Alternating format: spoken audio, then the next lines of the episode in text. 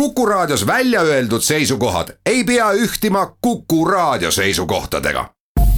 Te kuulate Kuku Raadiot.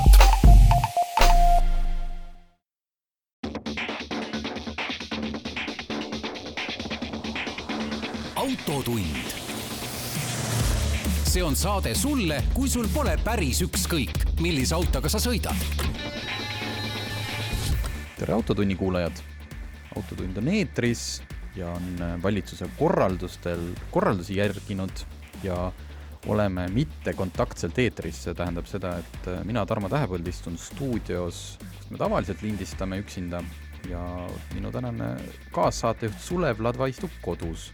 tervist! me üksteist ei näe, aga me kuuleme ja, ja loodetavasti meie selline eksperiment läheb õnnelikult ja vabandame juba ette, kui me aeg-ajalt vahepeal üksteist kuidagi ära kaotame või, või vahele hakkame rääkima, sest ei ole ju silmsidet. aga loodame, et toimib. just, räägime täna saates, natukene tuletame meelde põhitõdesid politsei osas, räägime natuke filmidest, luksusmaasturitest, ühest edukast Eesti startupist, veidikene ilmselt kütuse hinnast ja saate teises pooles on meil, kuidas ma ütlen, kiirete ja ägedate Fordide eri. räägime ühest Fordi maasturist ja ühest Fordi kiirest luupärast. Ja mõlemad on sinised. aga alustame ja alustame kõigepealt ühe väga olulise meeldetuletusega. me Suleviga mõtlesime, et me täna väga palju seda koroona teemat ei puuduta, sellepärast et äh, olgem ausad, seda puudutatakse igal pool väga palju. aga kui politsei ütles, et äh, õigemini Terviseamet soovitas neil äh, katkestada natukeseks ajaks need puhumisreidid, mis tähendab seda, kus siis politsei on spaleeris kahel pool teed ja ükski auto läbi ei pääse, enne kui ta on puhunud Mm -hmm. siis äh, politsei hiljem täpsustas täiesti õigustatult, et loomulikult nad järgivad Terviseameti nõuandeid, aga see ei tähenda nüüd, et liiklusjärelevalve lõpeb. et ei ole kõik politseinikud läinud piiri peale kontrollima saabuvaid inimesi ja autosid, vaid äh, liiklusjärelevalve toimib nii, nagu ta toimib igapäevaselt. lihtsalt seda ühte reidi ei tehta jah, et täielik kaos ikka Tallinna liikluses nüüd äkitselt ei, ei ole. just, et äh, kes siin lootis, et nüüd valitseb täielik anarhia, siis äh, õnneks mitte. politsei tõi ka näite, et reedest pühapäevani kõrvaldas politsei liiklusest nelikümmend kolm alkoholi tarvitanud ja neli narkojoobes äh, juhti. alkoholi tarvitanud juhid põhjustasid kolm liiklusõnnetust, ühesõnaga kõik jätkub, et ärge nüüd selles mõttes lolliks minge, austame üksteist ja lähme sellest kõigest ilusti läbi, aga kes sellest kõigest nüüd see aasta kindlasti läbi ei lähe, on Dominic Toretto ja tema kaaslased. ja kes on Dominic Toretto, lasen Sulevile öelda. no eks ta on ikkagi kõige kuulsam äh, autofilmi tegelane Fast and Furious'i seeriast. just, et aprillis äh, või mais esilinastuma, oota, ma ei mäletagi, millal, ei, tähendab, kõigepealt äh, viskas, kuidas öeldakse, rätiku ringi James Bond, kes pidi siin aprillis esilinastuma ja lükati edasi novembrisse. Dominic Toretto pidas natukene kauem vastu, aga maikuus esilinastuma pidanud Kiired ja vihased üheksas osa äh, lükati lausa järgmise aasta aprilli algusesse.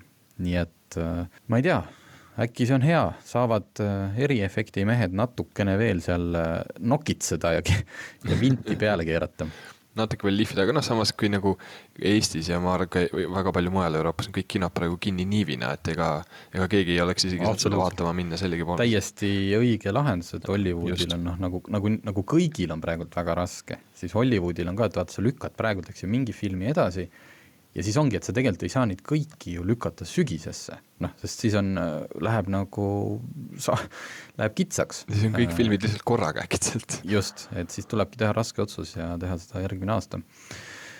aga loodame, et tuleb siis vägev spektaakel. nii, üks autouudis siia vahele. Range Rover tegi, mis ta oli, aasta või kaks tagasi selle kontsepti. Jah, ma arvan, et see oli kuskil mingi poolteist või rohkem, sest et äh, nende see Special Vehicle Operations äh, tutvustas seda sellist kaheukselist äh, luk-, eriti luksuslikku Range Roverit.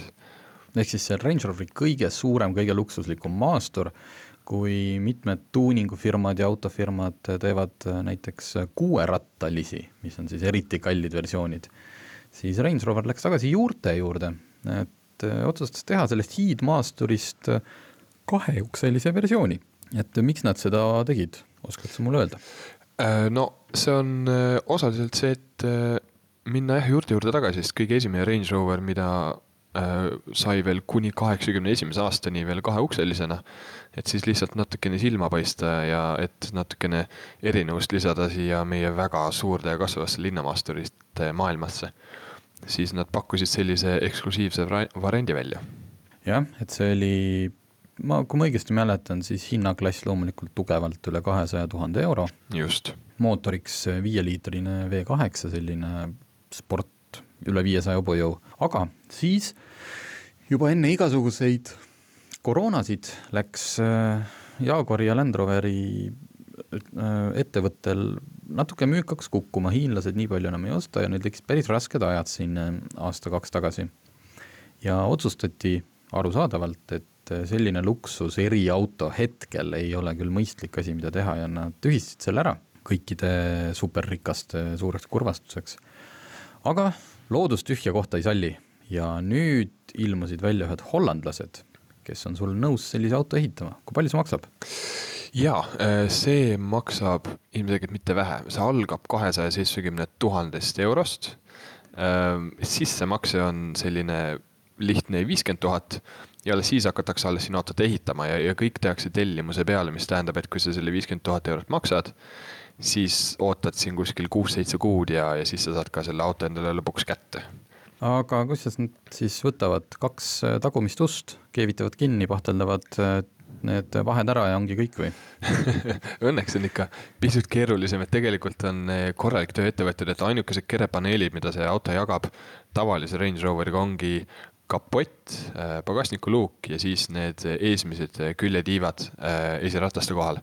ja kõik muu on täiesti äh, muudetud ja, ja, ja uuesti ette võetud hollandlaste poolt, nii et, et ma arvan, et see on kõige ligilähedasem asi, mida see Range Land Rover oleks ise pakkunud. et see auto ju oma Äh, mõõtude poolest ei muutunud, et see ei ole, et ta on nüüd tehtud kuidagi veel suuremaks ka, nagu need kuuerattalised tehakse või? ei, seda mitte ja, ja, ja, ja selles suhtes tasub ka meeles pidada, et see on ikkagi sees, see on nagu ikka selline suur Range Rover, et sul on ikkagi korralikult ruumi tagaistmetel ja korralik äh, suur äh, pagasnikuruum, aga lihtsalt äh, uksi on äkitselt kaks korda vähem kummaline maailm, kus me elame, inimesed on nõus maksma palju rohkem selleks, et neil oleks vähem uksi.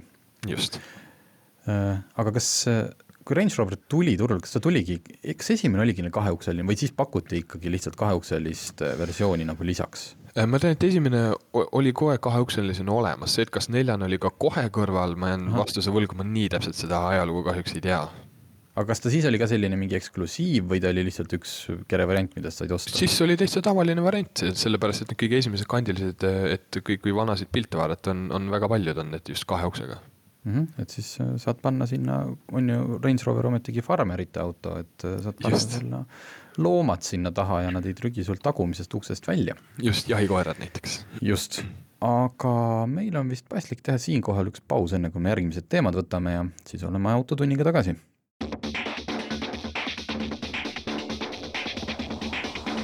autotund see on saade sulle, kui sul pole päris ükskõik, millise autoga sa sõidad.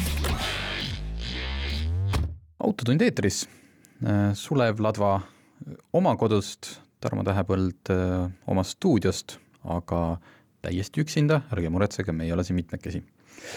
Äh, räägime natukene, kuidas inimestel hästi läheb. kas sina oled kuulnud sellist startup'ist nagu High Mobility? Ma olen kuulnud sellest, aga, aga selle tegevusest, tegevusel ma kahjuks äh, väga täpselt ei olegi silma peal hoidnud hetkel. Äh, High Mobility on käinud siit-sealt läbi äh, aeg-ajalt, et neil läheb päris hästi. Eesti firma, startup, tegutseb Eestis ja Berliinis, aga nüüd eelmisel nädalal teavitasid nad kogu selle segaduse keskel, et hoopiski nemad on saanud mitme miljoni suuruse strateegilise investeeringu et nad ei ole täpsustanud, mitme miljoni, see on ilmselt siis ärisaladus, aga nad said selle Saksamaa autotööstuse suurkujult äh, nimega DAT ehk Deutschen Automobil Treuhand. ma täpselt ei tea, mis tähendab, aga selle, nende investeering aitab seda high mobility platvormi tuua rohkem autotootjaid. nii, kui me nüüd selgitame, mida see high mobility teeb, siis äh, noh, väga süvitsi ei läheks. Aga kui püüda lihtsalt selgitada, siis autod veel hiljuti olid küll, selles mõttes autodes on ju alati olnud ka väike juhtarvuti ja kompuuter ja tarkvara, aga see on tavaliselt igal firmal hästi enda oma, hästi suletud, tihti ka väga aegunud. Äh, sellega on seoses ka see, et tihti need autode igast ekraanid ja navid ja noh, kõik see, kõik see hästi nagu ei, ei kipu toimima enam tänapäeva maailmas. Äh, pluss siis lisaks noh, kõik see, mis toimub taustal, mida tavakasutaja üldse ei teagi, mida kõik autoarvutid seal teevad. Ja siis äh, high mobility on, kui ma nüüd õigesti aru saan, sina oled natukene rohkem IT-taustaga.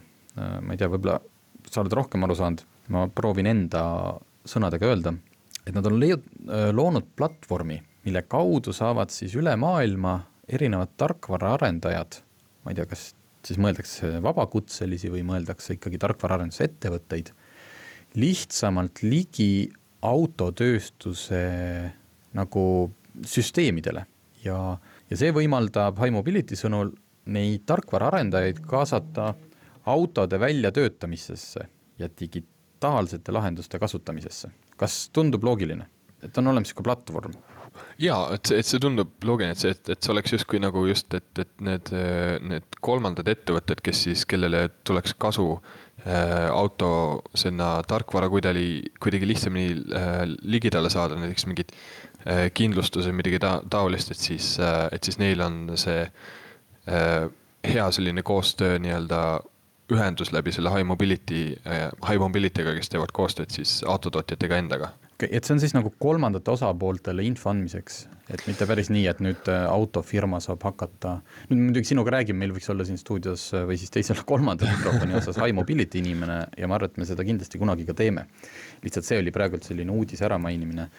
Äh, ma, ma nagu eeldasin, et see on rohkem selline, et siis autofirmad saavad kaasata rohkem omale noh, sellist ajujõudu üle maailma, et ei pea enam istuma nende tehases kuskil nende mis see oli, kas McLarenil oli see hirmus vana arvuti? jaa, neil oli see hästi vana kompak, jah et ma ei tea, ma teen tegelikult autotööstusele ilmselt liiga praegult, lihtsalt peale seda Compaki ja McLareni uudist, et McLaren kasutab ühe auto hooldamiseks ühte üheksakümne kolmanda aasta läpakat, sest seal on õige tarkvara, siis mul on tekkinud endal selline tunne, kuidas nendes vanades hiiglaslikes autofirmades on noh, maatriks printerid ja ja faksimasinad.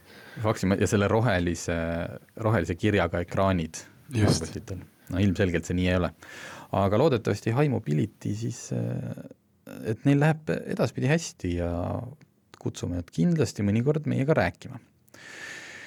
aga üldise sellise turbulentse seisuga meil sellest viirusest veel vähe oleks, siis on läinud tülli ka naftatootjad, õigemini siis naftat maa seest võtvad riigid mis tähendab seda, et seal OPEC-i, OPEC ei suutnud kokkuleppeid saavutada seal omavahel, mis tähendab seda, et nafta hind läks vabalangusesse, mistõttu me nüüd siin kõik vaatame neid tanklaposte ja ootame, millal kütuse hind kukub. täna veel ei olnud kukkunud, kui palju, kas sina oled näinud, mis viimane kütuse hind oli? Äh, ma nüüd isegi viimase paari päeva jooksul üle vaadanud, aga ma, ma saan aru, et ikkagi üsna stabiilselt on alla sinna, alla üks kolmekümnet, sinna üks kakskümmend midagi kanti. jaa, äh, kui me räägime näiteks bensiin üheksakümne viiest, siis üks, kaks, üheksa, üheksa on see olnud no vähemalt nädal. ja siis on muidugi rahvast natukene hakanud äh, morniks tegema, sellepärast et no see on nüüd, ma, ma nüüd räägin sellist üldistust, mida inimesed arvavad, et tavaliselt kui tekib mingi teistpidine šokk, et kas minnakse kuskil kangesti tülli, mingi riik pannakse keeldude alla, et ehk kui maailmaturul kütuse hind hüppab üles, siis äh, võib seda väga-väga kiiresti näha ka meie tanklapostidel. aga nüüd, kui kütuse hind on kukkunud läbi põranda maailmaturul, nafta hind, siis äh, sa-, sama tempoga ei kipu tulema alla see hind tanklapostidel. on sellest nüüd siin äh, tanklakettidega räägitud ja esimene asi, üks analüütik on muidugi välja arvutanud, et ükskõik, mis kütuse hinnaga maailmaturul juhtub, kui mingeid maksumuudatusi Eestis ei tule, siis võimalust, et kütus langeks alla ühe euro, ei ole. selles mõttes, et maksude osa, maksud, kõik need bio, biolisandi kulud on nii suured, et äh, sisuliselt on noh, ühe, üheeurone kütushind on äh, tõenäoline või selles mõttes nagu arvutuslikult tõenäoline. aga kütusefirmad ise ütlevad, et äh, vot miks, et noh, ühesõnaga toodi näide, et kui nüüd vaadata viimase lühikese perioodi kütusehinna langemist, siis Eestis on väidetavalt Euroopa riikidest kütus kõige rohkem langenud, ehk siis rahulikust ajast alates umbes kaheksa senti liitrilt, mujal Euroopas nii palju pole langenud. samas see üks koma kaks üheksa üheksa on jätkuvalt äh, seal postide peal. teine põhjendus on olnud see, et äh, aasta lõpus tänu sellele või biolisandi nõude suurenemise tõttu osteti aasta lõpus hästi suured laovarud ja väidetavalt loomulikult selle kallima hinnaga mida siis nüüd realiseeritakse. raske öelda, aga arvatavasti siin on ka tanklafirmad ikkagi vihjanud, et lähiajal ta võiks veel langeda ja võib-olla isegi alla ühe koma kahe. noh, see on siis kümme senti liitrilt, mis siin, mis sinu autopaak on, minul on hea vanaaegne auto, mul on ikka niisugune üle kuuekümne liitri paak, et kui ma täis panen, siis on kuus eurot mul isegi nüüd äh, hiljuti soetatud autol on isegi alla viiekümne natuke, nii et ma olen isegi pettunud, kui tihti ma seal tanklas pean käima. jah, kas sa paned üheksakümmend kaheksat või üheksakümmend viite? Äh, hetkel veel üheksakümmend kaheksat. selge, kas biolisandi pärast või auto pärast? rohkem auto pärast. nii, kuna meil on selle saate ploki lõpus natukene veel aega üle, ma vaatan, siis ma küsiksin sellist asja, kas äh, oled kaalunud näiteks ka juba suverehvide allapanekut? Tead, väga pingsalt hoian sellel ilmateatel tegelikult peal, kui äh, silma peal, kui päris aus olla.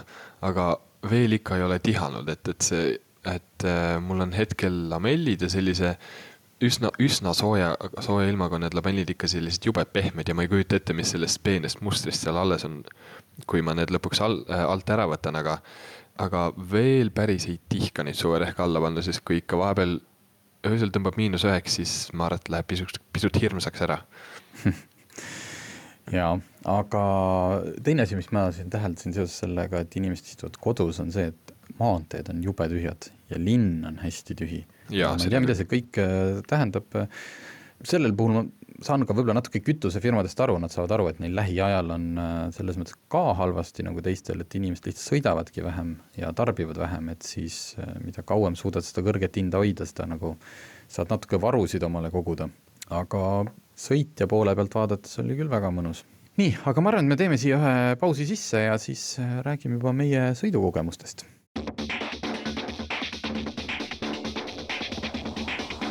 autotund. see on saade sulle, kui sul pole päris ükskõik, millise autoga sa sõidad. autotund on tagasi. Äh, Sulev Ladva, autogeenuse kaasautor äh, oma kodus ja Tarmo Tähepõld äh, Autogeeniuse stuudios. räägime autodest, äh, räägime kiiretest Fordidest.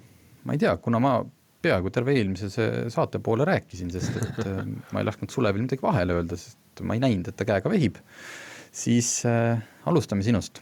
alustame sinust, sest et äh, harva saab teha ju noh, nagu proovisõiduautodeks ei ole väga tihti väga palju ägedaid autosid ja siis, kui, kui üks meist või sa, keegi on omale soetanud oma raskelt teenitud äh, palga eest midagi ägedat, siis me mõtlesime, et ma kauplesin Sulevilt, et äh, kuna tegemist ei ole väga vana autoga, siis võiks äh, rääkida sõidukogemusest Ford Focus RS-iga just. seda vist uuena enam osta ei saa, veel eelmine aasta sai. veel eelm-, veel eelmine aasta veel jah, laos veel vist mõned olid äkki aasta alguse poole, aga, aga nüüdseks on jah, on nüüd juba äh, järg, äh, uus äh, Focuse põlvkond peale tulnud ja ST on see, mida saab nüüd tellida ja RS-ile, RS-ile läheb veel päris paar aastat veel aega kindlasti, kui see siia jõuab.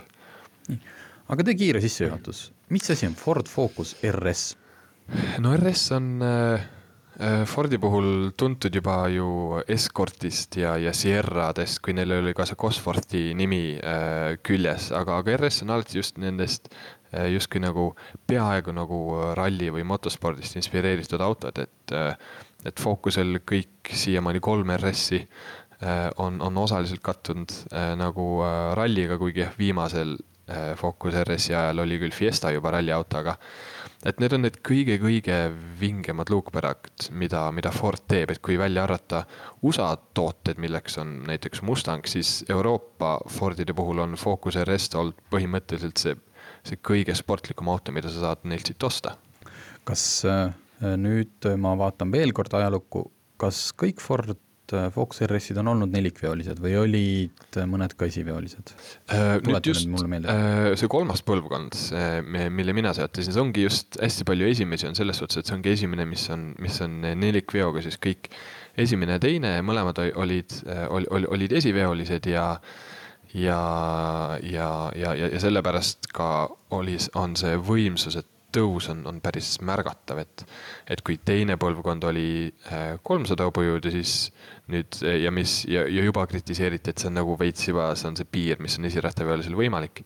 siis, siis oli see, eks ju niimoodi, sest just. praegult tuletan meelde, Honda Civic Type R on äh, üle kolmesaja kahekümne ja kõik ja. kiidavad just, et, et äh, rehvi ja muu tehnoloogia arendamisel see, see, see number vaikselt kogu aeg tõuseb, aga, aga, aga jah, see kolmanda põlvkonna Focus RS on nüüd kolmsada viiskümmend hobujõudu ja, ja, ja selline korralik permanentne nelikvedu, mis, mis on kogu aeg sul sees äh, kas seal on ka sellisel autol nüüd vahet, kas ta on pigem suunaga taha ette või ta on, jaotab seda, on ta fifty-fifty? Ta seda jaotab äh, vastavalt sõidurežiimile, et sellisele tavalisele sõidurežiimile see peaks olema suht äh, viiskümmend, viiskümmend. ja siis vastavalt sportrežiimile lükkab kuni kuuskümmend taha.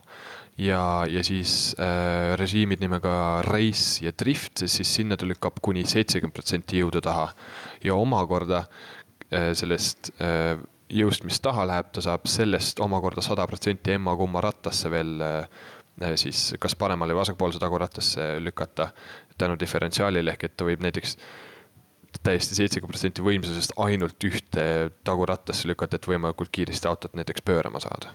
kõlab äh, nagu väga vägev auto, selles mõttes, kas ta, kas ta on igapäevaselt kasutatav või ta oli ikkagi mõeldud juba siis, äh, ma ei tea, autospordi jaoks mina ütlen, ma olen kindlasti väga selline komp-, kompromissialdis inimene, kui, kui asi puudutab Focus RS-e. aga, aga mina ütlen, et igapäevaselt on see väga kasutatav auto, et on kindlasti muidugi pisut jäigem ja kui, kui, kui tavaline Ford Focus, selles pole kahtlustki kui.... kas see pisut jäigem, kas see, kas see oli nüüd poliitiliselt korrektne ja tegelikult on äh, see üks äh, õudne piin, kui teed on kevadised ja katki või on seal ikkagi päriselt niimoodi, et tegelikult kannatab sõita küll? tegelikult kannatab sõita küll, kuigi ma, ma pean mainima, et, et mul on hetkel toll, kaheksateist tollised väljad, äh, mis, mis on lamellrehvidega, mis on kindlasti pehme, sest et suvel on üheksateist tollised väljad. Äh, mis, mis kindlasti teeb seda asja jäigemaks. et aga, ja noh, sellel on ka veel, saab panna vedrustuse jäigema režiimi peale, mis on tõesti täiesti kasutamatu avalikel teedel. et seda, ma arvan, et ringrajal saab ainult kasutada, aga, aga, aga selles tavalises nii-öelda pehmes režiimis, mis noh objektiivselt öeldes kindlasti ei ole pehme, on, on tegelikult ta, on ta, on ta küllalt mõnus ja eriti veel, kui kiirust natukene tõsta, kui sa saad kuhugi linnast välja, siis seal kaheksakümne, üheksakümne juures ta, ta võtab need äh, erinevad mühud ja ebatasusused teest väga, väga hästi välja minu meelest. kui palju sa muus osas pead seal autos kompromissi tegema, kas ta on äh, kahe või neljaukseline? Ta on täiesti tavaline neljaukseline, see on ka üks eripära, et see nüüd viimane Focus RS, mis ka minul on, et see, seda oli ainult nelja uksega. et eh, ehk et ta muus osas on ta nagu täiesti tavaline eh, Ford Focus, et pagasniku ruum on vist natukene väiksem, sest et see pagasniku põhi on natukene kõrgem, eh, et see nelikveosüsteem sinna alla ilusti ära mahuks aga, aga noh, see on selline, et, et kui palju sulle see äkki, ma ei tea, äkki mingi kümme liitrit loeb, ma ei kujuta ette. et, et, et, et see ei ole nagu väga suur märgatavus, et kui sa muidu oled inimene, kes sõidab luukpäraga ringi, siis, siis ega mingit suurt erinevust tegelikult ei ole. aga on ta siis kiire, kui me räägime nüüd, kui sa vaatad nüüd, sa oled sõitnud ka tänapäevaste autodega, eks ju mm, -hmm. Porsche'd on sul sattunud kuidas see auto paigutab, ta on, tuli välja umbes viis aastat tagasi, et mis see tänapäeval, kas tal äh, oleks konkurenti, kellega sa võrdleksid teda tänapäevastest autodest ja kes ta konkurent omal ajal oli? no omal ajal konkurendid on ka pisut natukene siiamaani need tänapäeva konkurendid, sest et, et need, kes olid omal ajal konkurendid, nende uusi põlvkondi ei ole veel välja tulnud, ehk et, äh, et kui vaadata, vaadata nelikveolisi autosid, siis oli Golf R, mis oli küll natukene tagasihoidlikuma võimsusega, oli kolmsada hobujõudu ehk et viiskümmend vähem.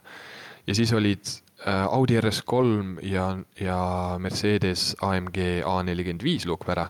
et A45 nüüd on küll uuesti välja tulnud, millel on üle neljasaja hobujõu, mis on vist isegi nelisada kakskümmend just, see tippmudel. just, et, et aga, aga, aga selle hinnaklass on ka drastiliselt teine võrreldes Fordiga. et äh, mis on ka täiesti arusaadav, sest et see margi staaživahe on juba nii suur, et, et need konkurendid on enam-vähem samad, mis on siiamaani. Ja, ja, ja aga jah, Fordi kasuks mängib just äh, see, et kui võelda Gol-, Golf R-iga, mis on ka hinna poolest kõige sarnasem, siis äh, et ma olen sõitnud küll väga lühikest aega Golf R-iga, aga pikemalt Seat Cupraga, mis on neliveoline, mis on tehniliselt sama auto. siis see Focus RS-i just see nelikvedu, et kui palju ta sinna taha seda jõudu saadab, teeb selle auto tegelikult nii palju mängulisemaks ja liikuvamaks äh, kui see Volkswageni Haldexi nelikvedu. et, et see on see kõige suurem eelis, et, et isegi kui on natukene libedamad äh, asfaltteed ja, ja sportrežiimis, siis sa juba tunned, et kurvist äkitselt gaasi andes teise-kolmanda käiguga sa tunned, kuidas see tagaosa juba natukene hakkab sul seal taga mängima ja see on, teeb selle sõidu palju-palju lõbusamaks. kas tegemist on äh, siis haruldase sportautoga või, või, või näed kedagi linnas, saad käppa visata? linnas neid näeb küll, aga, aga, aga ma julgeks pakkuda, et neid on äkki paarteist, äh, on paarteist tükki neid Focus RS-i, neid viimaseid.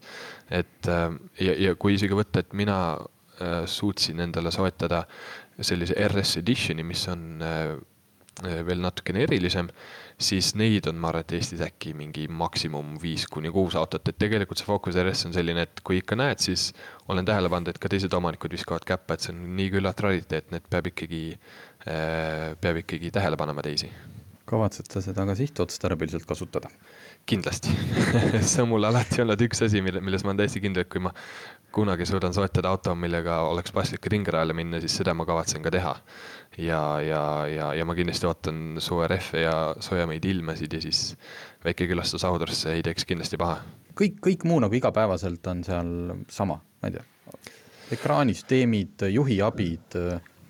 Jah, kõik juhul, kui sa ei ole just Audru ringrajal, et siis sa ei pea nagu millestki loobuma, et sul on absoluutselt kõik nii on nagu peab, et elektroonikas ja kõik navigatsioonid ja need Android autod ja Apple CarPlay'd ja isegi see linna aktiivne pidurdamine kuskil mingi äkki kolme kuni neljakümne kilomeetri tunni kiirusest, ta peab ise kinni, kui midagi tuleb ette ja et noh, adaptiivset püsikiirushoidjat ei ole, see on üks asi, mis on ka, mul on sellised äh,, sellised äh, kentsakad suhted sellise süsteemiga, et ma olen kohanud selliseid süsteeme, mis ei ole ka üldse head ja siis ma võtan selle adaptiivsuse sealt välja ja lihtsalt panen tavalise püsikiirushoide. et, et see on asi, mida, mida ma isegi väga võib-olla ei oska igatseda. et ähm,, et muidu on ta täiesti tavaline, et, et see on just see, et äh, mis võib olla ka miinuseks, sest interjöör on nagu tavaline fookus, kui välja arvata istmed ja rool aga et see kogu see jah, enamus see raha ja väärtus selle auto puhul on läinud just sinna mehaanikasse, mis seda sõiduelamust pakub. Äh, viimase asjana veel sinu äh, autost, kas sul oli, oli sul valikut, ma ei mõtle mitte RS-ide vahel, vaid et äh, pikalt sa mõtlesid, et kas Focus RS või äh, oli seal üldse mingit võid? või sa teadsid kohe, et noh, mul oli see, et, et, et see oleks olnud see kõige-kõige-kõigem lahendus, äh, et saada Focus RS. mul oli muid variante, mis oleks olnud natukene tagasihoidlikumad, näiteks i30 N-Luke Pära Hyundai'lt, mida ma olen ka kiitnud ja olen saanud ringrajal sõita tänu Hyundai üritustele. et see oleks mul olnud selline ütleme, back-up variant, sest et Focus RS-iga on niimoodi, et kuna see on kasutatud ost, siis sellel peavad olema väga kindlad asjad, et peavad olema need korvistmed ja peab olema parem helisüsteem ja peab olema see õige sinine värv. ja siis selliseid autosid, mis täpselt kõik need linnukesed kirja paneks, neid nagu väga tihti ei leidnudki. et siis, äh, aga kui lõpuks see õige jäi silma, siis, siis ei olnud küsimuski. nüüd te teate, et kui te tahate ühte tõeliselt äh, kihvti, päriselt äh, sportlikku luukpära siis äh, Focus RS-ile on Sulevil vähemalt talve, talveauto kogemusena, no mitte nii palju, kui meil talve oli, aga siis lamellrehvidega ja veel ilma ringraja kogemuseta juba peaaegu et ostusoovitus olemas. kindel. ehk siis näis, kui ta ka ringrajal ära käib, mis siis juhtub. vaatame, jah. teeme väikse pausi ja siis räägime veel ühest kiirest Fordist.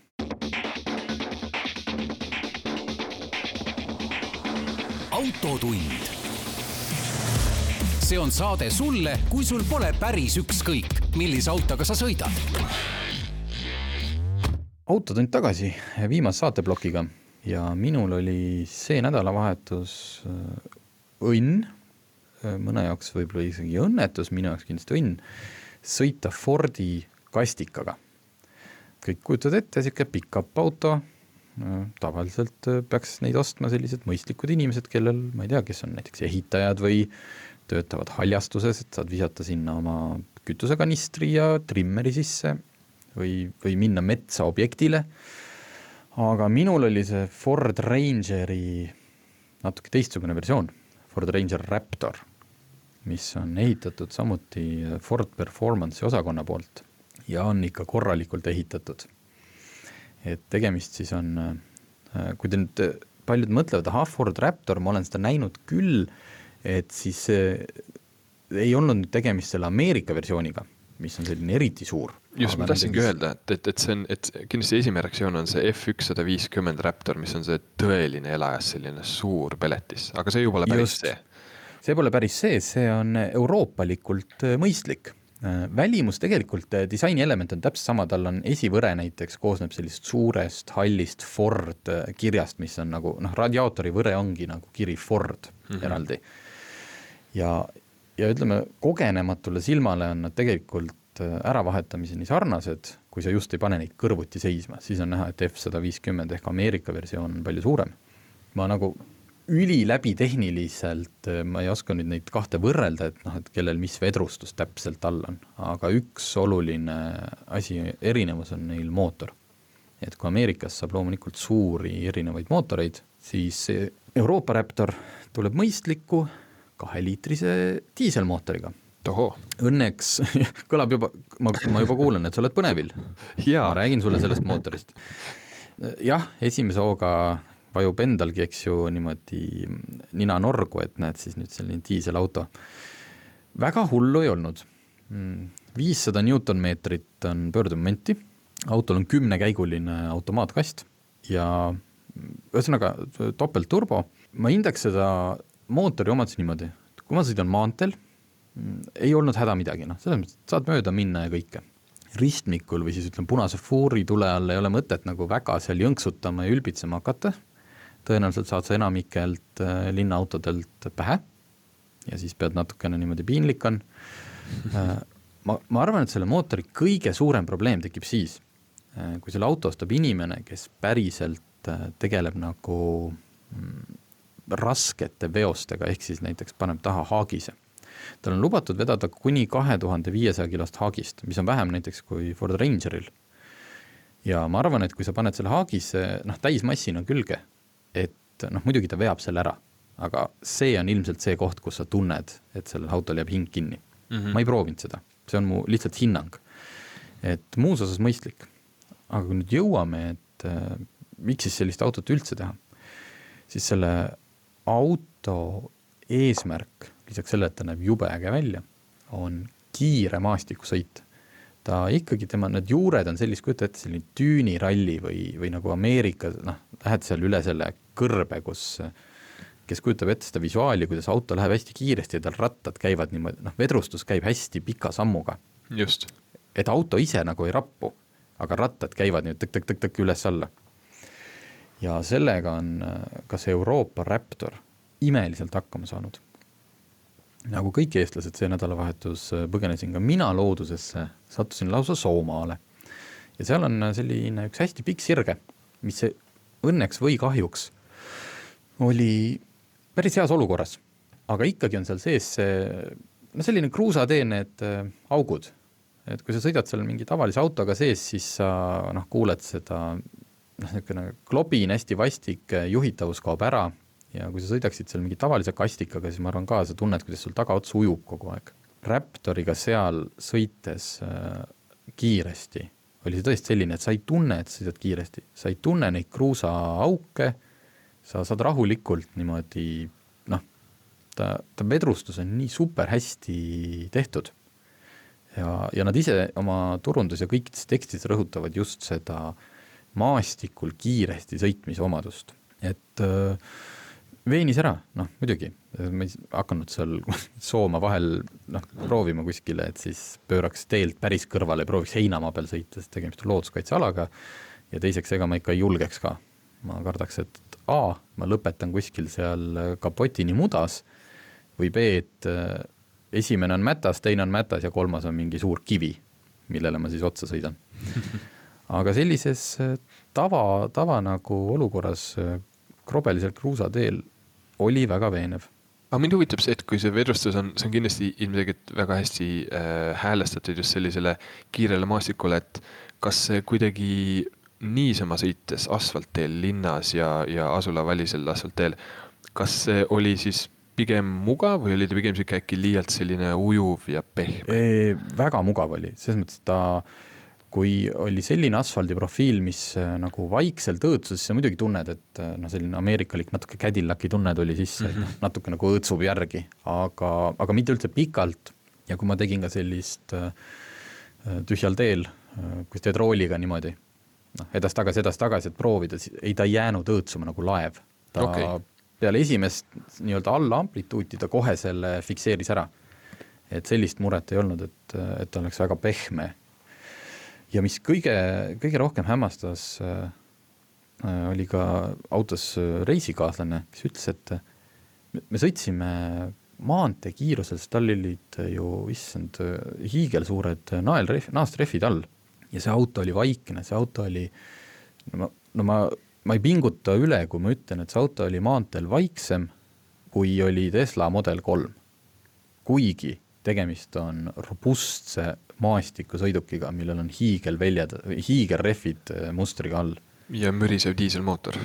ja mürisev diiselmootor, nii et selles mõttes äh, kui nüüd, äh, kui nüüd võtta seda autot igapäevaautona, noh et see, see on iseasi, see on, see on oma teema, on see, et kas sul on kastikat vaja igapäevaautoks, kui seda kasti vaja ei ole. hullult tüütu, tohutu tüütu, mul oli seal asju seal sees, sa ei saa seda kunagi kätte, sa pead sinna sisse ronima, et noh, need asjad, mis on sul kabiinipoolses otsas, sa ei ulata neid võtta, kui sa sinna peale ei roni, ühesõnaga nagu ma ei, ma ei saa pooltest ameeriklastest aru, kes ostavad neid autosid selleks, et nad on kastikad. või nad siis ei vea seal kastis mitte midagi kunagi. Sest et noh, ma isegi poekotti ju, kui ma tulen poest, ma panen taha istmele selles kastikas, mitte kasti.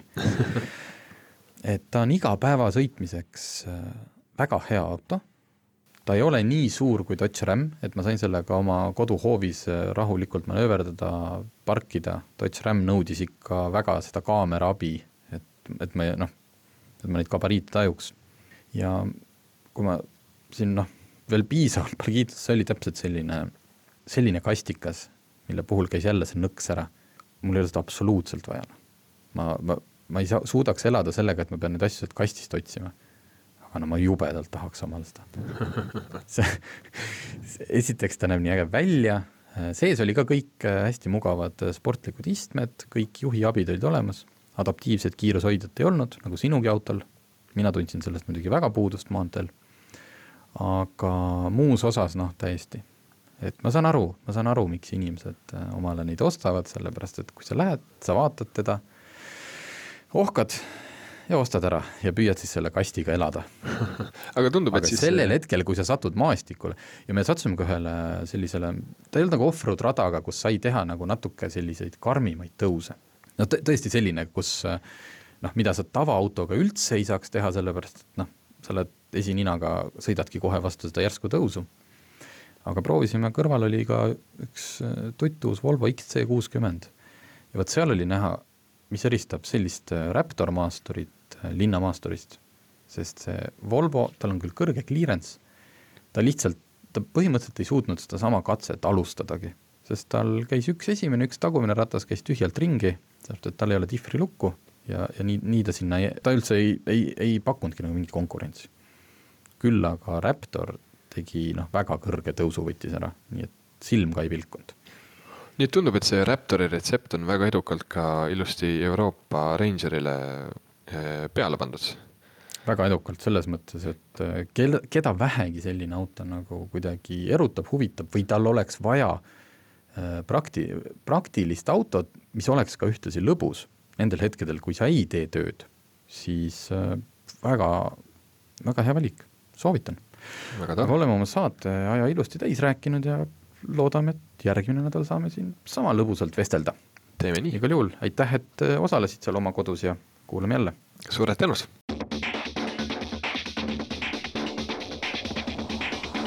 autotund.